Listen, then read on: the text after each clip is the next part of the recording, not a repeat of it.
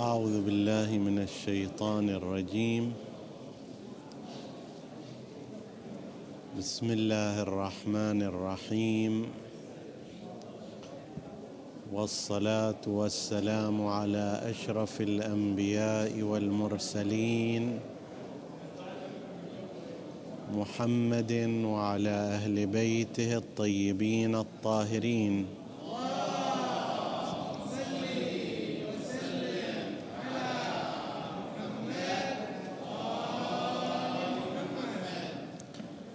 السلام عليكم أيها الإخوة المؤمنون. أيتها الأخوات المؤمنات ورحمة الله وبركاته.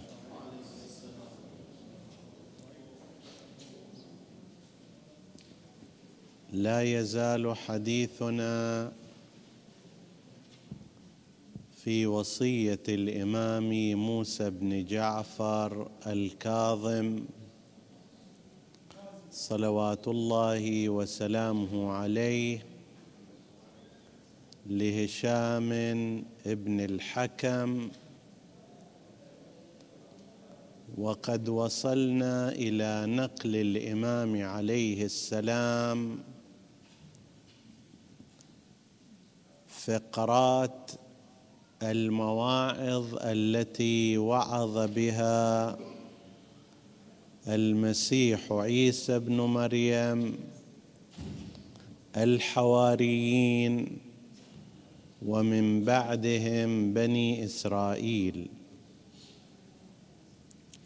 وذكرنا فيما مضى من الأيام خصائص هذه المواعظ والتوجيهات وما هي الدلالات والفوائد التي نستفيدها من نقل الإمام عليه السلام. هذه المواعظ التي هي عن عيسى بن مريم عليه وعلى نبينا بل على نبينا وآله وعليه أفضل الصلاة والسلام. ووصلنا إلى هذه الفقرة التي يقول فيها عيسى بن مريم وينقلها الإمام عليه السلام يا عبيد الدنيا بحق الحق أقول لكم لا تدركون شرف الآخرة إلا بترك ما تحبون. فلا تنظروا بالتوبة غدا فإن دون غد يوما وليلة. وقضاء الله فيهما يغدو ويروح. بحق أقول لكم ان من ليس عليه دين من الناس. أروح وأقل هما ممن عليه الدين. وإن أحسن القضاء وكذلك من لم يعمل الخطيئة أروح هما ممن عمل الخطيئة وإن أخلص التوبة وأناب. تعبير عبيد الدنيا ليس مسبة وإنما هو أمر واقعي بالنسبة إلى قسم من الناس. فإن عبد أحد هو من يطيعه ومن يتوخى رضاه ومن يسعى في أمره. وأنت تجد قسما من الناس ينطبق عليهم هذا العنوان انطباقا تاما. فتراه ساعيا في أمر الدنيا أكثر من سعيه في أمر الله. وتراه يصرف على الدنيا أكثر مما يصرف على أمر الآخرة. وترى النداءين نداء الآخرة ونداء الدنيا لهذا الشخص.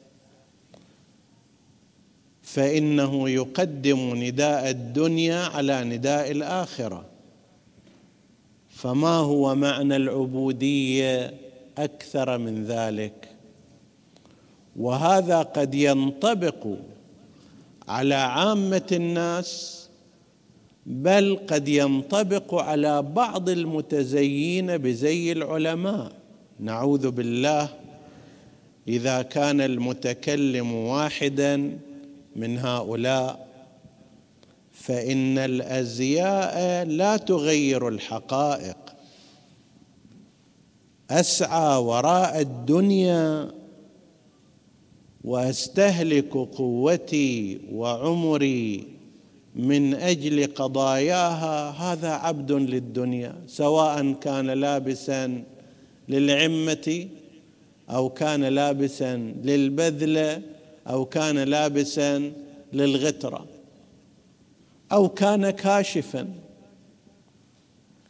المهم هو الحقائق. لذلك عيسى ابن مريم يخاطب الحواريين في هذه الوصية الحواريون هم الأصحاب المقربون من عيسى ابن مريم ولكن مع ذلك يخاطبهم بهذا الخطاب إما تخويفا وتحذيرا وإما أن يكون بعض هؤلاء فيه هذه الصفات. يا عبيد الدنيا بحق أقول لكم لا تدركون شرف الآخرة إلا بترك ما تحبون. سيأتي فيما بعد. لا يجتمع في قلب واحد حبان حب الله وحب الدنيا. لازم واحد يغلب على الثاني. مثل ما أن العبد ما يصير لشخصين لأنهم يتشاكسون. ضرب الله مثلا عبدا سلما لرجل يعني خالص لواحد وعبد آخر لا. فيه شركاء متشاكسون. هذا يقول له روح الصوب ذاك يقول له روح ذاك الصوب. هذا يقول له قدم الشغل مالي ذاك يقول لا قدم الشغل مالي. قلب الإنسان هم نفس الشيء. إذا جعلت فيه شركاء متشاكسين حب الدنيا حب الشهوات حب الأموال حب الرئاسة حب السلطة وأمثال ذلك وجعلت إلى جانبه حب الله يتشاكسون. حب الرئاسة يقول سوي كذا حب الله يقول لا لا تسوي. فأيهما تقدم؟ أيهما تقدم؟ لا تدركون شرف الآخرة إلا بترك ما تحبون. هاي لو إنسان أخذها قاعدة. الإنسان لو ترك ونفسه يحب أن ينام أكثر الوقت. صحيح ولا لا؟ عادة قسم من الناس ينام بدل الست سبع وبدل السبع ثمان وبدل الثمان تسع وبدل التسع عشر وعلى هذا الم... إلى أن يتعب من النوم. يلا يقوم. زين. هذا النوم يحبه الإنسان.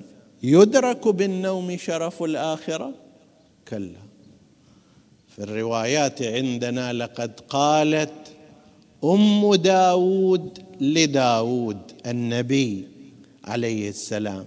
شوف نصيحة الأم لنبي. يا داود إياك وكثرة النوم فإنه يفقرك في الآخرة. تصير فقير في الآخرة. الإنسان اللي ينام عن الصلاة الواجبة طبيعي يصير فقير. ينام عن الصلاة المستحبة يصير فقير. ينام عن فعل الخير فقير. وهكذا. ولو حقيقة فكر الإنسان في كم يصرف من عمره في نومه لهاله الأمر. بعض الناس مثلا يقول لك أنا ما يجي براسي غير عشر ساعات أنام فيها. ما أقدر ما أنام هالمقدار. زين تفضل. عشر ساعات من أربعة وعشرين ساعة يعني قريب نصف عمرك رايح في النوم. تجي يوم القيامة مسجل في الملف ملف زين هذا الملف. نصف العمر من أربعة وعشرين ساعة عشر ساعات. تسع ساعات. هذا الصندوق ماذا يفتح فيه؟ هالملف ماذا يفتح فيه؟ في النوم خب ماكو شيء. نعم صار اكو بعض البدائل. حتى الشرع يريد يلحقك قدر الامكان يقول لك ما يخالف. قبل أن تنام توضأ. من توضأ ثم نام بات وفراشه كمسجده قبل لا تنام اقرأ ثلاث مرات قل هو الله أحد فإنها بمثابة ختم القرآن. قبل لا تنام سبح التسبيحه الكبرى فإن من فعلها يكون في ثواب من اعتمر. سبحان الله والحمد لله ولا إله إلا الله والله أكبر. قبل لا تنام سوي الصلاة على محمد وآل محمد.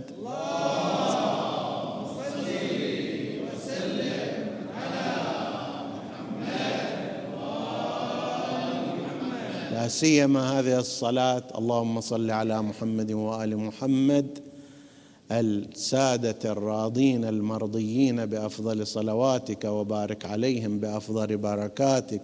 والسلام عليهم وعلى أرواحهم وعلى أجسادهم وعلى شاهدهم وعلى غائب. شوية هذه متخفف سالفة النوم. لكن النوم بذاته فعلا خسارة. يوفر عليك عمر النوم ما يوفر عليك.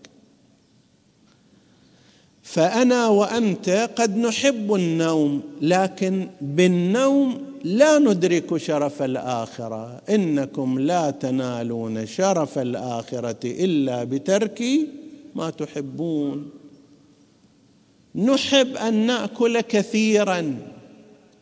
زين الأكل الكثير في مقدمات مشكلة المصادر الشرعية مالته إذا صارت أو ما صارت. ومشاكل في نفسه الاصابه بالتخمة وما يتلوها من الكسل والتواني عن فعل الخير والعبادة والنشاط في أمر الدنيا والاخره نحب الطعام بس بهذه المحبة الزائدة لا ندرك شرف الآخرة. وعلى هذا المعدل أكو معادلة ميزان. نحب الله أو نحب الدنيا؟ هذا يزيد هذا ينقص. هذا يكثر هذا يقل. وأنت بالخيار. وأنا بالخيار. ما يرتبط بأمور الدنيا من لذائذ بدنية من صفات نفسية تنتهي إلى محبة الدنيا. كل ما زدنا فيها ذاك قل إنكم لا تدركون شرف الآخرة إلا بترك ما تحبون. وقد قال القرآن الكريم لن تنالوا البر حتى تنفقوا مما تحبون. لن مو لا لن. تأبيد مستحيل. أن تنال البر حتى تنفق مما تحب. تنفق من راحتك تنفق من مالك تنفق من شهوتك تنفق من كذا من كذا. فلا تنظروا بالتوبة غدا. قسم من الناس إن شاء الله هو على وش مستعجلين. أريد أغير نفسي؟ إن شاء الله لاحقين أغير صفاتي النفسية. أنا إنسان بخيل أنا إنسان غضوب أنا إنسان سريع الانفعال أنا إنسان قاسي أنا إنسان ظالم أنا إنسان كذا. يلا خل أغير نفسي. إلى ما الانتظار؟ وش ينتظر الإنسان؟ في التأخير آفات. الرواية هذه تقول أو الوصية هذه تقول فلا تنظروا بالتوبة ذنب أذنبته أيها البعيد. ليش تنتظر تتراجع؟ ليش ما تقول أستغفر الله؟ الآن هذه اللحظة قررت الإقلاع عن الذنب هذا ولا أعود إليه ابدا. غيب اغتاب لا. أقرر أتركها. نميمة أتركها. سب للاخرين أتركها. صلاة تأخيرها لا سيما صلاة الفجر أتركها. عدم إنفاق واجب اتركه اعتداء على الغير اتركه ليش تنتظر إلى غد؟ ما هي ميزة هذا الانتظار والتأخير؟ ما في ميزة بالعكس. يقول قضاء فإن بين فإن أمام غد يوم وليلة. بقية هذا اليوم وليلة هم كاملة. وقضاء الله فيهما يغدو ويروح. شو مدريك تقدر إلى العصر تغير من حالك. مو معلوم. لا سمح الله ولا قدر. الله يبتليك ببلاء. ما تقدر تتراجع. خلاص. تصير عندك سالفة ما تقدر تدارك لا لا سمح الله ولا قدر. يغتالك الموت في هذه اللحظات. بقية هذا اليوم.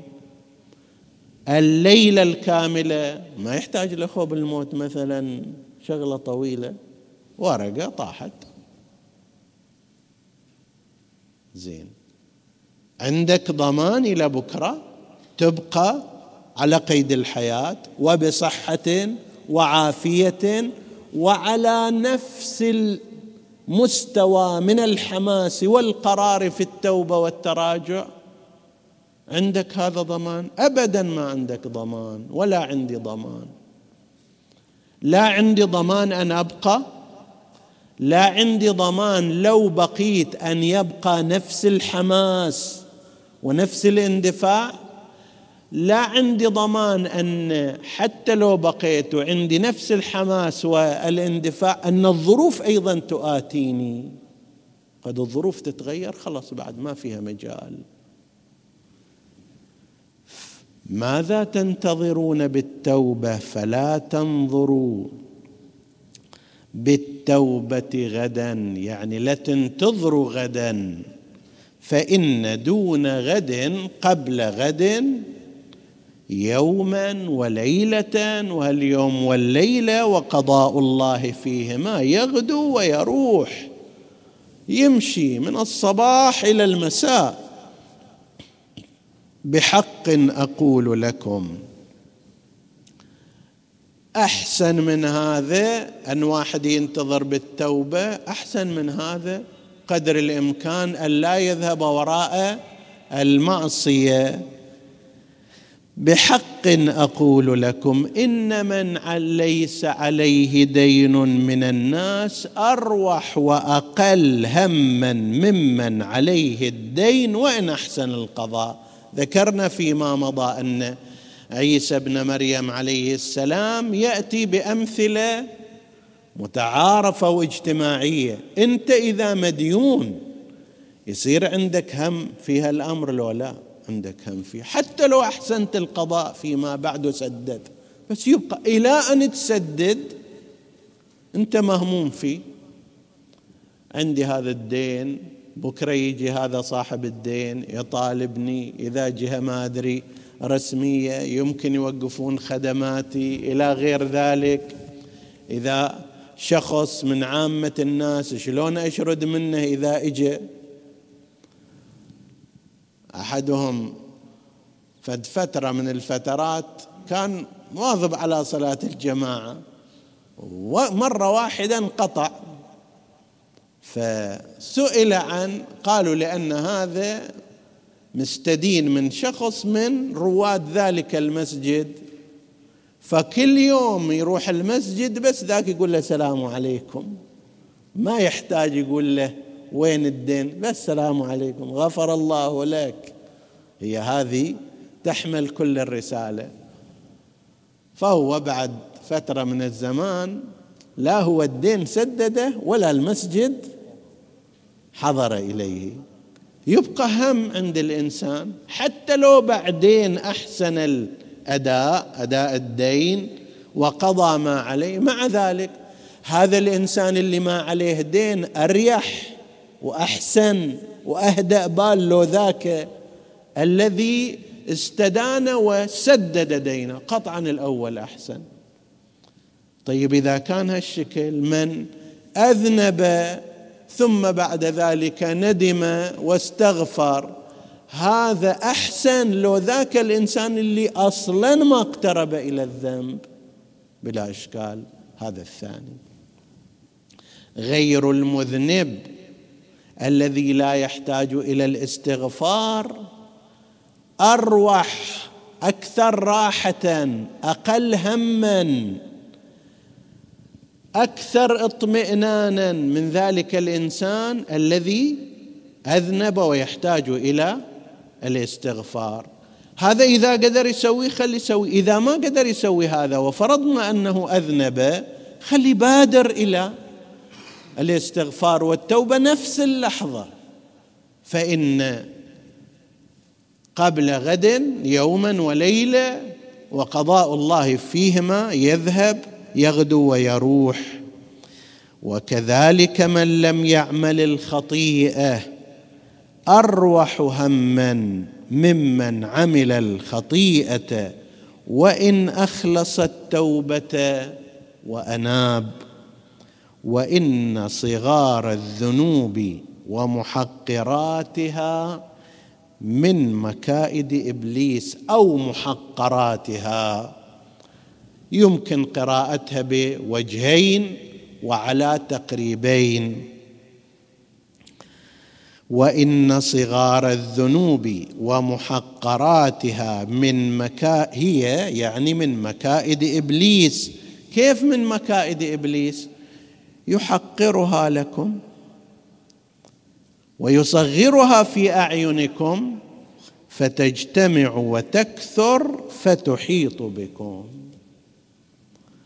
لذلك هذه خطيرة. يعني قد تكون ببعض الاعتبارات محقرات الذنوب أخطر من كبائر الذنوب ببعض الاعتبارات. ليش؟ لأن كبائر الذنوب الإنسان يستعظمها يستهولها فيخاف منها ويسارع إلى الاستغفار منها. وأما محقرات الذنوب يجي شغل إبليس هذا شنو؟ هذا شيء بسيط. قال بعضهم هاي سالفة الغيبة في المجالس هي ملح الطعام سلطة هذه. ما يصير مجلس أصلا غير ما نحكي على فلان وعلى فلتان وننتقده وننكت على هذا ونحكي على ذاك كيف يصير مجلس؟ قاعدين ساعتين عجل وش نسوي؟ طيب. طيب هذا ذنب الشيطان شنو يقول؟ لا هذه نقد بناء. نقد بناء انت عمي هدمته من فوق إلى تحت. وين نقد البناء هذا؟ قلت فيه كلاما. ينطبق عليه عنوان الغيبة. إذا كان صدق غيبه إذا كان كذب بهتان أعظم. هذا الصدق فيه مشكلة بس يحقرها الشيطان. بسيط هذا إن شاء الله يرضى بعدين. أو بعضهم ظريف يقول إن شاء الله ما تكون غيبة. عجيب. شنو يعني إن شاء الله ما تكون غيبة؟ أنت ما خليت عليه فسخته ثيابه حسب التعبير. شنو يعني؟ إن شاء الله ما تكون غيبة. ذممته تكلمت عليه. أنا ما خاطب الحاضرين نعوذ بالله وإنما شخص متخيل. الحاضرون والسامعون بحمد الله هم من المتأثرين بهدي أهل البيت عليهم السلام. فلا يصنعون هذا إن شاء الله.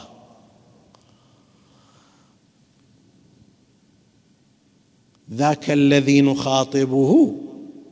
ماذا صنعت؟ ما خليت عليه شيء؟ ما بقيت عليه؟ تكلمت عنه بكلام لو كان موجودا لحدثت معركة بينك وبينه. شنو معنى الغيبة إذن؟ إن شاء الله ما تصير غيبة إن شاء الله ما تكون غيبة. هذه مبررات يضحك بها عليك الشيطان يخدعك بها. يحقرها لكم ويصغرها في أعينكم. لذلك الإنسان عادي لما يطلع من هالمجلس أو من ذاك المجلس أو من هالحكي ما كأنه ما صار شيء. يضحك ملء فمه ويروح ياكل ملء بطنه ويروى ملء نفسه ولا كأنما صار شيء. بينما هو احتطب الآن على ظهرك. حمل مطلوب منك ومني يوم القيامة نجاوب عليه. تكلمت على فلان بأي حق. لأي سبب؟ بأية غاية حتى لو صحيح غيبة. خلي الشيطان يجي ينفع هنا اللي صغر الأمر اليك وحقر الأمر اليك وجعله شيئا بسيطا. ولن يستطيع الحضور إليك في ذلك المكان. هو مشغول بنفسه. بحق أقول لكم إن الناس في الحكمة رجلان فرجل أتقنها بقوله وصدقها بفعله ورجل أتقنها بقوله وضيعها بسوء فعله فشتان بينهما. نادر جدا نادر جدا أن تجد إنسانا عندما يتكلم يتكلم بشكل سيء. يعني أن يقول مثلا لا الغيبة ممتازة. النميمة حسنة. الظلم شيء ممتاز. القسوة خوش عمل. نادر تحصل واحد هالشكل. اللي تحصل واحد من اثنين عادة إما شخص يصف الأمور بصفاتها الصحيحة ويطبق ذلك. يقول الغيبة محرمة ويلتزم بها. الظلم قبيح ويلتزم بأن لا يكون ظالما قدر وسعه. هذا قسم يصف الحكمة وصفا صحيحا ويطبقها بفعله. هذا القسم وقسم آخر وهم كثير. وصفه للأشياء ما شاء الله. تعال. ولوائل ابن سحبان كما قالوا وهو الخطيب العربي المشهور. وهي مشكلة عندنا نحن المتكلمون أكثر من عامة الناس. نستغفر الله من كل عدل قلناه وخالفناه إلى غيره. حقيقة يعني مثلي وأمثالي من المتكلمين نسأل الله أن يكون حسابنا يسيرا في يوم القيامة. لأنه قد غيرنا ما مبتلى مثلنا بكثره الكلام. طبيعة شغلنا هو هذا لازم تخطب ولازم تقرأ ولازم توجه. زين. عامة الناس أقل من هذا. ما مطلوب منك في محرم تقرأ ثلاثين يوم. ولا في صفر ولا في الوفيات ولا في أيام الجمعة ولا في كذا. بس مثلي وأمثالي هذا حسابهم عسير. ادعوا الله لنا بأن ييسر حسابنا. حقيقة ييسر حسابي وحساب أمثالي. أنتم حسابكم يسير. الآن المسجل عندنا آلاف المحاضرات. وإذا شفنا مثلا في مكان في خطأ نقول شيلوه. زين ذاك الشيء اللي ما ينشال وهو أنك تعظ الناس وتخالف ذلك. تصف الدواء لذي السقام وذي الضنا وتعالج المرضى وأنت سقيم. حقيقة موقف بالنسبة لنا لي يعني. مخيف. إلا باستغفاركم لنا وبطلبكم من الله أن يعفو عنا وهو العفو الغفور الرحيم. يمكن واحد ينجو. فقد يأتي الإنسان ويصف الحكمة. كلامه في المنبر ممتاز في القراءة جيد في وصفه للأخلاقيات حسن ولكن عمله؟ نعوذ بالله. لولا أن الله يسترنا لكان الأمر مختلفا. نسأل الله أن يعم ستره علينا دنيا وآخرة وأن يغفر لنا قصورنا وتقصيرنا. فالناس في الحكمة هكذا قسمان قسم أتقنها بقوله وصدقها بفعله هنيئا لهم. أئمة الهدى عليهم السلام العلماء الورعون الأتقياء الصالحون عامة المؤمنين المطبقين لما علموه هنيئا لهم. وهناك قسم آخر لا يصف العدل والحكمة والكلام الطيب. بقوله ولسانه ولكنه في مجال التطبيق لا يكون كذلك. فطوبى فطوبى للعلماء بالفعل وويل للعلماء بالقول. نسأل الله أن يغفر لنا ذنبنا وقصورنا وتقصيرنا وأن يعيننا على ضعفنا. إنه على كل شيء قدير. وصلى الله على سيدنا محمد وآله الطاهرين.